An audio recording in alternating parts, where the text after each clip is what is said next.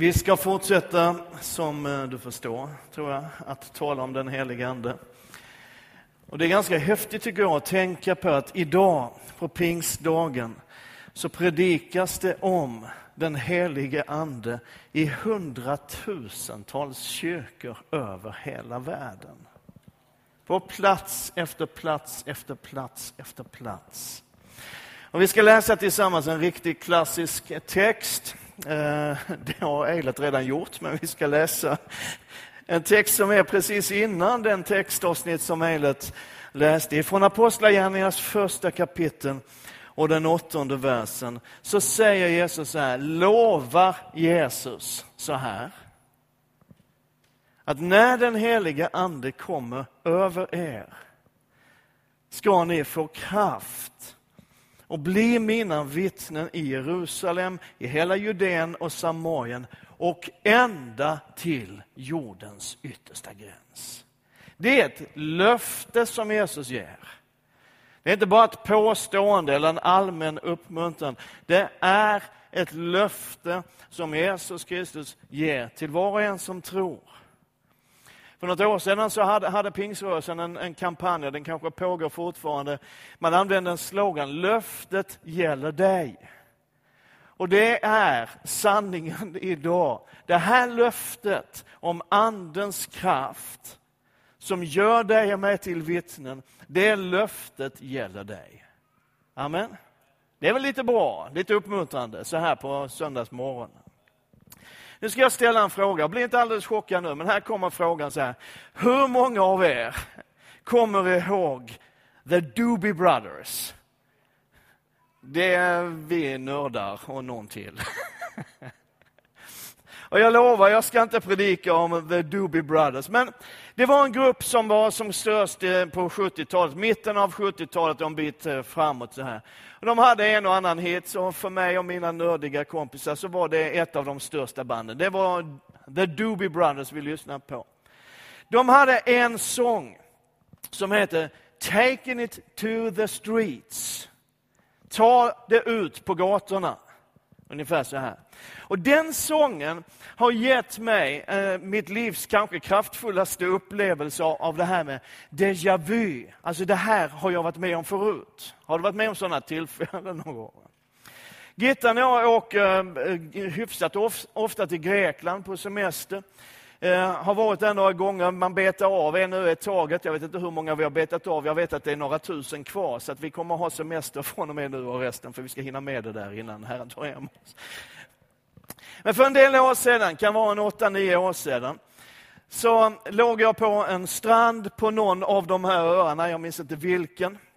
Jag, liksom i inledningen på semestern, och precis innan semestern började så hade jag börjat att förbereda mig för en predikoserie som vi skulle ha under hösten. Om församlingen och församlingens roll och uppdrag, och församlingens roll in i samhället och i vardagen och alltihopa det där.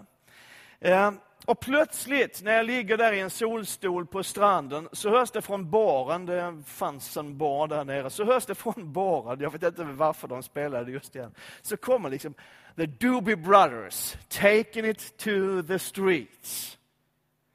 Och den låten handlar egentligen om något helt annat, så vi ska inte göra någon, någon liksom andlig analys av den, för det tror jag inte går. Men när jag låg där och tänkte på den här predikusen så blev jag påmind om en sak. Det är ju detta som det handlar om. Det är det här som allt handlar om. Att ta budskapet om Jesus Kristus till alla människor. Till varje stad, till varje land, till varje kontinent. Och någonstans så börjar ju det med din och min granne. Eller hur? Din arbetskamrat, din kompis i skolan. Det börjar där. Och sen är det så här, på vår senaste Greklandssemester, flera år senare, på en helt annan strand, den här gången på fastlandet, eh, vid Pargaområdet någonstans, så ligger jag i en solstol. Och då var jag ganska trött och ganska sliten och började fundera på, är det dags för mig att bryta upp ifrån från Lund och göra någonting annat i mitt liv. Och jag, jag var trött, jag var sliten. Och så ligger jag där i en solstol på stranden och från baren som är precis bakom mig, så plötsligt så började det spelas den här sången med The Doobie Brothers, Taking It To The Streets. Och det blir en uppmuntran någonstans. En hälsning ifrån himlen genom ett långhårigt och skäggigt 70-talsband. Som liksom ändå förmedlar någon sorts vision tillbaka in i livet. Det är det här det handlar om. Så om du vill ha en undertitel för predikan idag, det behöver du kanske inte, men om du vill ha en så är den Taking it to the streets. För det är det som är fokus, vet du, när anden kommer. Eh, Jesus säger ni ska få kraft, ni ska bli vittnen, så handlar det ju om att ta evangeliet till varje människa. Eller hur? Och nu är vi ju karismatiker, de flesta av oss i alla fall.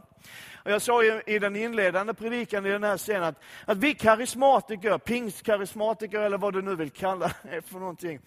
Vi är ganska ofta, inte alltid, men ganska ofta har vi varit och är fokuserade på de mer spektakulära inslagen av den helige Ande. Om under och tecken och kraftgärningar och manifestationer av den helige Ande.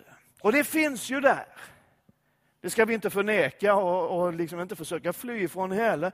Jesus talade om de tecken som ska följa de som tror.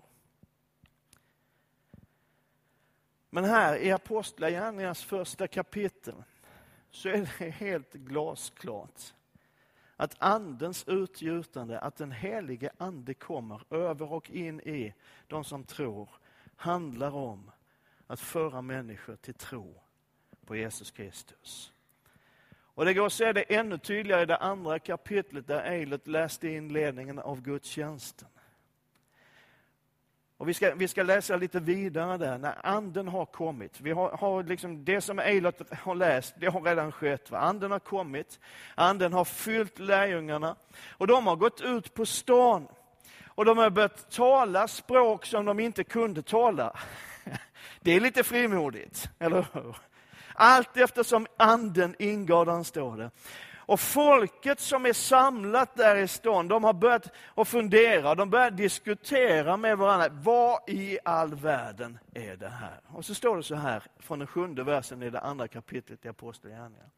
Häpna och förundrade frågade de, är de inte Galileer, det betyder skåningar ungefär, alla de som talar? Hur kan då var och en av oss höra sitt eget modersmål?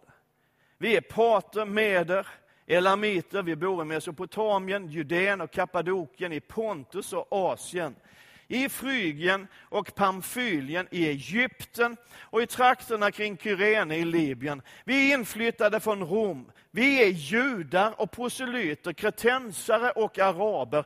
Ändå hör vi dem tala på våra egna språk om Guds väldiga gärningar. Och poängen här är och kommer du inte ihåg någonting annat, om du känner att jag vill sova lite nu, men kom ihåg den här poängen. När anden fyllde lärjungarna så kunde alla förstå evangeliet. Är du med mig? När den helige Ande kom över de här första troende människorna så fattade alla evangeliet. Lärjungarna talade om Jesus på ett språk som folket kunde förstå. Det är ju naturligtvis ett mirakel. Eller hur? Men någonstans, och det, det, jag gillar det här, jag älskar det här. Alltså den helige Ande, uppfyllandet av den helige Ande gör evangeliet tillgängligt och förståeligt. Och så tänker inte alltid vi karismatiker. Den här dagen, den första pingstdagen i den kristna traditionen, var antagligen ganska rörig. Man kan få det intrycket när man läser texten. Alltså det var mycket folk i stan. Därför att det här var vid den tiden när judarna firade Shavuot. En, eh, en fest som man firade till, till minne och, eh, och, glädje över att man hade fått lagen, lagens givande. Och det var en vallfartshelg, eller en pilgrimshelg, när många reste till Jerusalem för att besöka templet och vara med i firandet av Shavuot. Så det är mycket folk och så blir lärjungarna fyllda av den helige Ande. Och de blir rejält fyllda av den helige Ande. Eh, och en del tänker, liksom, vad är det med dem? De måste ha dragit i sig någonting så här tidigt på morgonen. Men de ger sig ut på stan Och så talar de på språk som de aldrig någonsin hade studerat eller lärt sig. Och så händer någonting i staden. Och jag tror att vi ska läsa den här texten både bokstavligt, att detta som är beskrivet där, det har hänt och det har hänt exakt så som det står. Men jag tror också att det finns en symbolik, en profetisk hälsning i det som, som vi nyss har läst. Alltså symboliskt i den meningen att när anden uppfyller de troende så blir evangeliet tillgängligt och förståeligt och begripligt för alla människor. Du vet, var och en som fanns i närheten fick höra evangeliet på ett sätt och på ett språk och i en form som de kunde ta till sig. Wow! När den helige Ande kommer över er ska ni få kraft att bli mina vittnen. I Jerusalem och i hela Judeen och Samarien och ända till jordens yttersta gräns. Du förstår, när du blir en kristen så kommer du in i någonting som är större än dig själv. Och får ett uppdrag, ett livsmål, en mening, en plan. För grejen är ju, och det har jag märkt och det tror jag du har märkt också, för att vi är där ibland och tassar i de markerna, liksom, att om vi bara lever för våra egna drömmar, om vi bara lever för våra egna planer och våra egna syften så kommer livet att kännas tomt. Därför då saknas någonting, då saknas meningen. Då saknas detta att betyda någonting, att få sätta spår, att få göra skillnad. När jag lever mitt liv som jag vill och när jag vill och som jag vill så resulterar det alltid och utan undantag i någon sorts upplevelse av tomhet. Och det kristna livet är ju inte bara, som Eilert sa här i inledningen också, han, han har sett mitt utkast. Tror jag. Det kristna livet handlar ju inte bara om att gå i kyrkan och vara god och from. Tur är väl det. Det kristna livet handlar om att få samarbeta med Gud själv. Att få vara en del av en plan som var satt innan världens grund var lagd och innan du ens var påtänkt. Guds plan att alla människor ska bli frälsta. Guds plan att alla människor ska få chansen att få leva i en kärleksfull relation med honom själv. Gud bjuder in dig och mig till världens största och viktigaste uppdrag en räddningsaktion, om du så vill. aktion rädda mänskligheten. Och det, den, det livet i den helige Ande, för jag raljera lite, jag tycker det är roligt ibland. Alltså det är ju mer än att ha en fisk på bilen. Du får gärna ha en fisk på bilen, jag får inte ha en och jag borde inte ha en heller. Men, men det, är ju liksom, det är mer än checka dekaler och det är mer än att dela ut traktater. Det är mer än att knacka dörr som vi gjorde när jag var nyfrälst. Det är mer än sångstunder på torget. Jag talar om the real thing. Att ditt och mitt liv, vår gudsrelation, vår personliga upplevelse av Jesus betyder någonting för någon mer än oss själva. Och jag vill ge dig en uppmuntran den här pingstdagen, för jag tror att pingst handlar väldigt mycket om uppmuntran. Jag vill ge dig en uppmuntran, jag vill säga till dig att din relation med Jesus kan förvandla en annan människas liv. Och tänk om vi kunde fånga det. Om det liksom fick bli på djupet vårt hjärtas bön. Att den relation jag har med dig Jesus, låt den få leda till att en annan människas liv blir förvandlat. Jag vet inte hur mycket folk exakt det bor i den här kommunen, men det är väl 35-40 000 någonting sånt. 44 000 människor bor i den här. Och vi är lite drygt 44 här inne. Eller något. Nej, vi är mer än så. Vi är bra mycket mer än så. Jag vet, jag bara skojar. Men det finns ju tusentals människor i den här staden som skulle behöva få sina liv förvandlade av Jesus Kristus. Och det som är så fantastiskt är att Jesus aldrig frågar efter det du och jag inte har. Frågar aldrig efter det, och du, det du och jag inte kan. Utan han frågar efter vad du och jag har och vad du och jag kan. Och så har han gett oss sin helige Ande ovanpå alltihop. Det är lite grann som när Petrus kommer att träffa bara några, kanske bara några timmar efter det här tillfället när anden har kommit, Petrus och Johannes är på väg upp till templet och de träffar den lame mannen som sitter där. Och den lame mannen frågar efter någonting som faktiskt Petrus inte kan ge honom. Han vill ha pengar och Petrus har inga pengar. De hade Judas snott, eller vad var det? Nej. Men Petrus liksom säger till honom, fritt översatt, du vet jag kan inte ge dig det jag inte har, men det jag har, det både kan jag ge dig och tänker ge dig. I Jesu namn, stå upp och var hel. Wow. Vi kan ge det vi har. Och Guds strategi för den här världens frälsning, Guds strategi för Enköpings frälsning, för människorna som finns i den här staden, den strategin är du.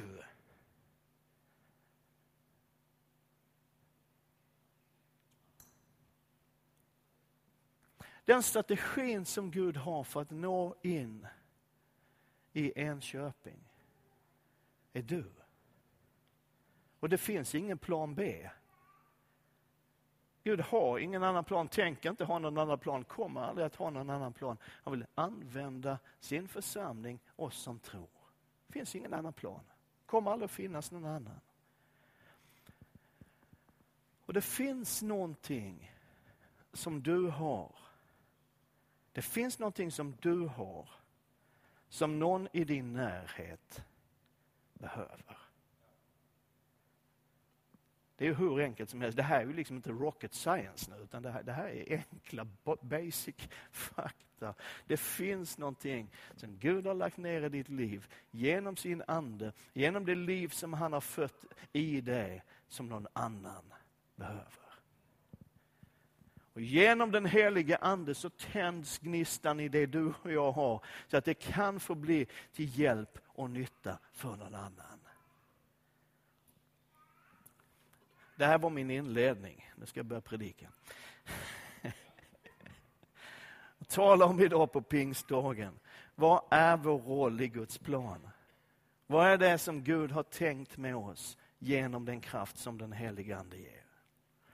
Det finns en berättelse i Bibeln, jag återvänder till den ganska ofta för att jag hittar nya saker i den hela tiden. Och jag älskar den texten ifrån Johannes 4, vi ska alldeles strax gå dit. När Jesus möter en kvinna i Samarien, de flesta av oss är med och vet ungefär vilken berättelse jag, jag pratar om. Jesus möter en kvinna vid en brunn i Samarien. Och den här kvinnan är antagligen inte alldeles lycklig. Man kan förstå det lite grann. Man förstår i sammanhanget, hon har sökt efter någonting i relation efter relation efter relation. Hon har varit ihop med ganska många. Och nu är hon ihop med en karl som är någon annans man. Och det finns någonting hos henne av trasighet. Det är någonting som hon söker efter i de här relationerna. Och så har Jesus ett samtal med henne. Och i det samtalet så blir problemen i hennes liv ganska tydliga och så börjar hon förstå. Och så står det så här i Johannes 4 från vers 27. Just då när Jesus satt och pratade med henne så kom hans lärjungar och blev förvånade över att han talade med en kvinna. Men ingen frågade vad han ville henne eller varför han pratade med henne. Kvinnan lämnade sin vattenkruka, gick in i stan och sa till folket, kom så får ni se en man som har sagt mig allt som jag har gjort. Han kanske är Messias. Då gick de ut ur stan och kom till honom. Många samarier från den staden, jag hoppar till den 39 versen. Många samarier från den staden kom till tro på honom genom kvinnans ord när hon vittnade. Han har sagt mig allt jag har gjort. Det hade han ju inte, men det var hennes upplevelse. När samarierna kom till honom bad de att han skulle stanna kvar hos dem och han stannade där två dagar. Många fler kom till tro på grund av hans ord. Och de sa till kvinnan, nu tror vi inte bara på grund av vad du har sagt, vi har själva hört och vi vet verkligen att han är världens frälsare. Alltså det här är en helt vanlig kvinna, det är ju inget konstigt med henne. Det, det, är ju inte så att hon, hon utmärker sig framför andra människor särskilt mycket. Det är ganska många människor som du och jag möter nästan dagligen, som har kraschade relationer efter kraschad relation efter kraschad relation. Och man söker någonting och man hittar det inte. Vi möter de människorna varje dag. Det är en helt vanlig kvinna. Men i mötet så händer någonting med och direkt börjar hon att leva ut Guds plan för sitt liv. Hon går och berättar för andra. Hon förmedlar. She's taking it to the streets. Eller hur? Och Det finns fem saker i den här berättelsen som jag ska försöka lyfta lite kort. Jag har 9 minuter och 43 sekunder kvar på den tid så jag har gett mig själv. För det första så vill jag säga, vi behöver lära oss att krossa barriärer, att spränga cirklar. Amen. Vet, I den texten så bröt Jesus med en mängd olika traditioner och barriärer och cirklar och förbud och, och allt vad det nu var. Judarna pratade inte med samarierna. Och hon var en samaritisk kvinna. Och en rabbi som Jesus var, en lärare, umgicks inte ensam med kvinnor. Och Det verkar som att Jesus gillar att strunta i en del regler ibland. Har du märkt det när du läser evangelierna? Här finns ett behov som är större än det som finns runt omkring. Så nu bryter vi den, nu spränger vi den cirkeln. Vi ska in i Samarien, även om ingen av oss gillar att prata med Samarien, så går vi dit i alla fall. Och så sätter vi oss ner och så pratar vi med människor. Man kan fundera på Paulus som var farisé och rabbin, superreligiös från början. Fariséerna hade en tacksägelsebön de manliga fariséerna, jag tror inte det fanns några kvinnliga fariséer. Men, men en farisé hade en tacksägelsebön som han bad varje dag. Han sa, Herre jag tackar dig att jag inte är kvinna, slav eller hedning. Det är ungefär samma sak. Ni vet. Nej. Men det, det fanns ju i Paulus liv det här. Tack gode Gud att jag inte är kvinna. Tack gode Gud att jag inte är hedning. Tack gode Gud att jag inte är en slav. Men samma Paulus, när han har mött evangeliets kraft, när han har mött Jesus, när den helige Ande har fyllt honom, så är det samma Paulus som säger att för alla har jag blivit allt. Och det är samma Paulus som senare i Galaterbrevets tredje kapitel skriver, här finns inte jude eller grek, här är inte slav eller fri, här är inte man eller kvinna, vi är ett i Kristus. För att ta evangeliet till varje människa så behöver vi lära oss att bryta ner barriärer och spränga cirklar. För det finns cirklar. Det kan vara cirklar av ras, av etnicitet, det kan vara samhällsklass, ekonomisk status, det kan vara ålder, det kan vara sexuell läggning, det kan vara en lång lista av olika saker som bygger barriärer. Och vi kan ha hur många åsikter som helst, och det kanske vi ska ha ibland också, om hur andra människor lever sina liv. Men vi ska påminna oss om en sak, att Jesus gav sitt liv för alla. Varenda människa. Och vet du, jag har märkt att den allra snävaste cirkeln, den allra kraftigaste barriären i mitt liv är inte någonting utanför mig, den finns på insidan. I mitt eget liv, inuti mig själv. Det finns någonting ibland som hindrar mig från att föra in ett samtal på andliga ting. Det finns någonting som ibland vill hindra mig från att berätta någonting om Jesus för en människa.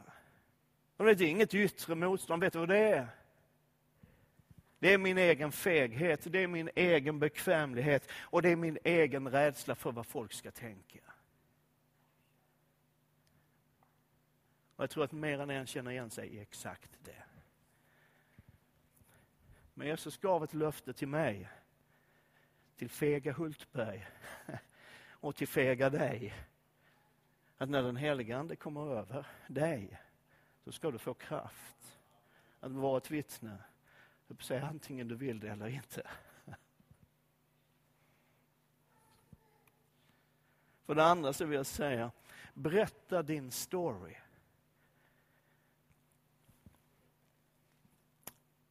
Your story, my story, to his glory. Vet, ett vittnesbörd, en berättelse om Jesus i ditt liv behöver inte vara så väldigt märkvärdig. Ibland får vi för oss det, och jag, vet inte, jag har hört det rätt många gånger. Liksom. Ja, det hade ju varit lättare om man hade haft en sån där riktigt radikal omvändelse. Man hade varit knarkare och kriminella, mördare. Ja, men det skulle vara lättare att visa på en liksom rejäl förvandling någonstans, om det var så där radikalt. Men det är ju inte sant. För de allra flesta människor som du och jag träffar som ska relatera till det du och jag kan berätta om Jesus, de allra flesta av de människorna är varken kriminella, eller knarkare, eller prostituerade, eller alkoholister, eller är ens djupt olyckliga. Utan de flesta människor som du och jag möter, de är ganska lika dig och mig. De är liksom hyfsat skötsamma, utan överdrifter, men hyfsat skötsamma någorlunda tillfreds med livet. Men precis som du och jag så söker de mening med livet. Hitta någonting som betyder någonting. Och det är precis där du och jag passar in. Det är där du och jag kommer in. My story to his glory.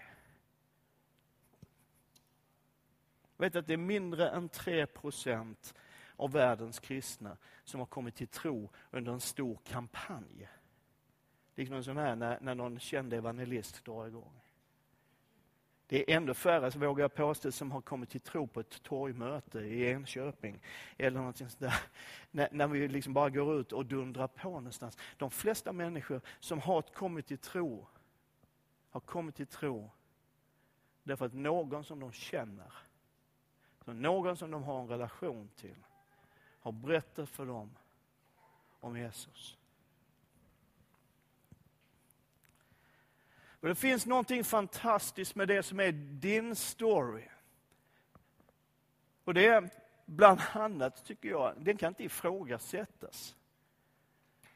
Det är ingen som kan säga, när du berättar för någon vad Jesus betyder i ditt liv, så är det ingen som kan säga, nej det är inte sant. För det är ju sant. Du har ju precis berättat att så här är det. Du har någonting att berätta. Du bär på någonting. Den trygghet som Gud ger dig. Den förvandling som Gud har gjort i ditt liv. Den glädje som Gud ger till dig. Den styrka som du upplever i vardagen av att ha en tro. Den tröst som han har gett till dig när du har varit nere på olika sätt. De bönesvar som du har sett i ditt liv. Friden som du bär med dig på insidan. Eller upplevelsen av att vara förlåten. Din upprättelse. Du har en story. Som kan röra vid människors liv. Därför de kan relatera till den. För det tredje så vill jag säga, och det här är jätteviktigt, be för skörden. Be för människor. Jesus säger i Matteus 9.38, du känner igen det bibelstället, eller många av er gör det. Be skördens Herre att han sänder arbetare till sin skörd. Och jag har en känsla av att det bönesvaret på den bönen väldigt ofta är vi själva. Herre, sänd arbetare, så betyder inte det sänd någon annan, utan det betyder här är jag, sänd mig. Men för bön förändrar. Vi har talat om det vid många tillfällen. Bön förändrar. I Apostlagärningarna 2 som vi precis har läst, de bad, de var samlade till bön, lärjungarna. De bad och anden kom och människor kom till tro. Bara två kapitel senare, det fjärde kapitlet, de ber tillsammans och ber. Då de ber så att platsen skakar. Och så kommer anden, eller också är det så att anden kommer så att platsen skakar. Det hör ihop i alla fall. Det där. Och resultatet är att människor kommer till tro. Man ber, söker Guds kraft och vilja och människor kommer till tro. Allting börjar med bön. Be för de människor du har kontakt med. De som finns i din närhet på olika sätt. För det fjärde skulle jag säga, bli lite mer street smart. Vad betyder det? Jo, det betyder, jag ska förklara vad jag menar. Alltså det finns en barriär som jag tror är, är större och svårare än många andra och det är det som vi kallar för frikyrkokulturen. Du vet, en del av oss har befunnit sig innanför cirklarna, innanför murar och barriärer så länge så vi har format en kultur och ett sätt att vara. Och sen så har vi formats av den kulturen och det sättet att vara. Så det har lett oss till att bli människor som talar och är på ett sätt som ofta är väldigt främmande för det vi kallar vanligt folk. Gör det ont när jag säger så? Men det är sant. Det är faktiskt sant. Och Jag talar inte nu om att, att, att liksom börja göra våld på din personlighet eller lägga dig till med attribut som inte är du. Utan jag talar om att vi kanske skulle be Guds ande att skala bort det i våra liv som är ett onödigt religiöst beteende.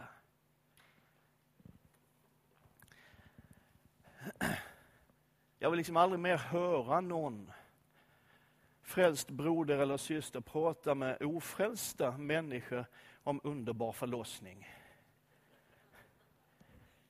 Eller som jag hörde för ett tag sedan, när man, man står liksom och talar till människor som aldrig har hört evangeliet, man, man talar om liksom kärlekens ljuvliga smörjelse. Det funkar inte.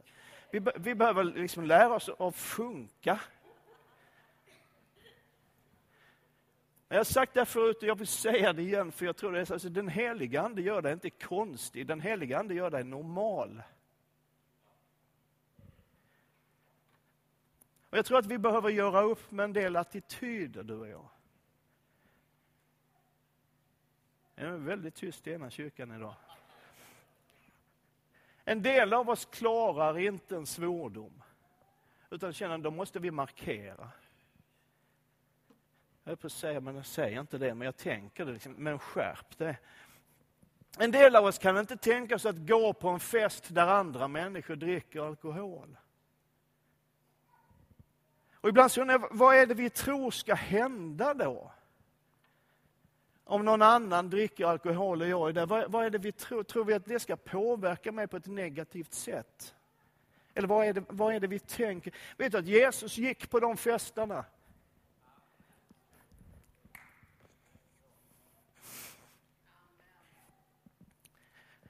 Och han hörde svordomarna. Och vet, när Jesus kom på de här festerna där vanligt folk träffades, så var han ingen partykille.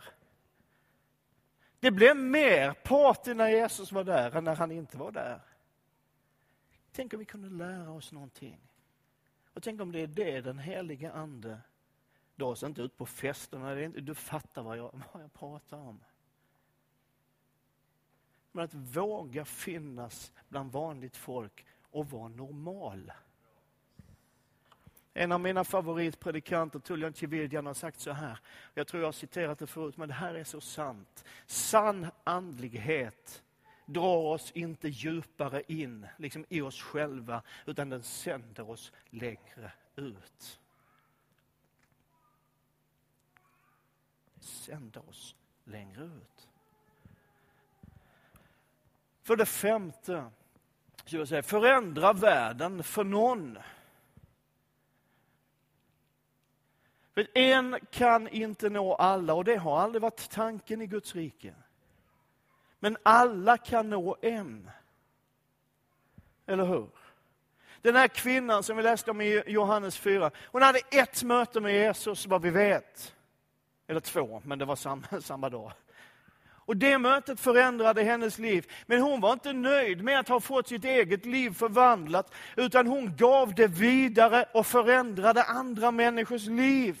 Alla har en story to his glory. Alla kan be och alla kan ge någonting vidare till någon annan. Jag har en slogan som jag har använt i församlingar som jag har arbetat i, som jag gillar. Och Jag vet inte ens om jag har kommit på den själv, men det spelar inte så stor roll. Det här, var skillnaden som gör skillnaden. För någon.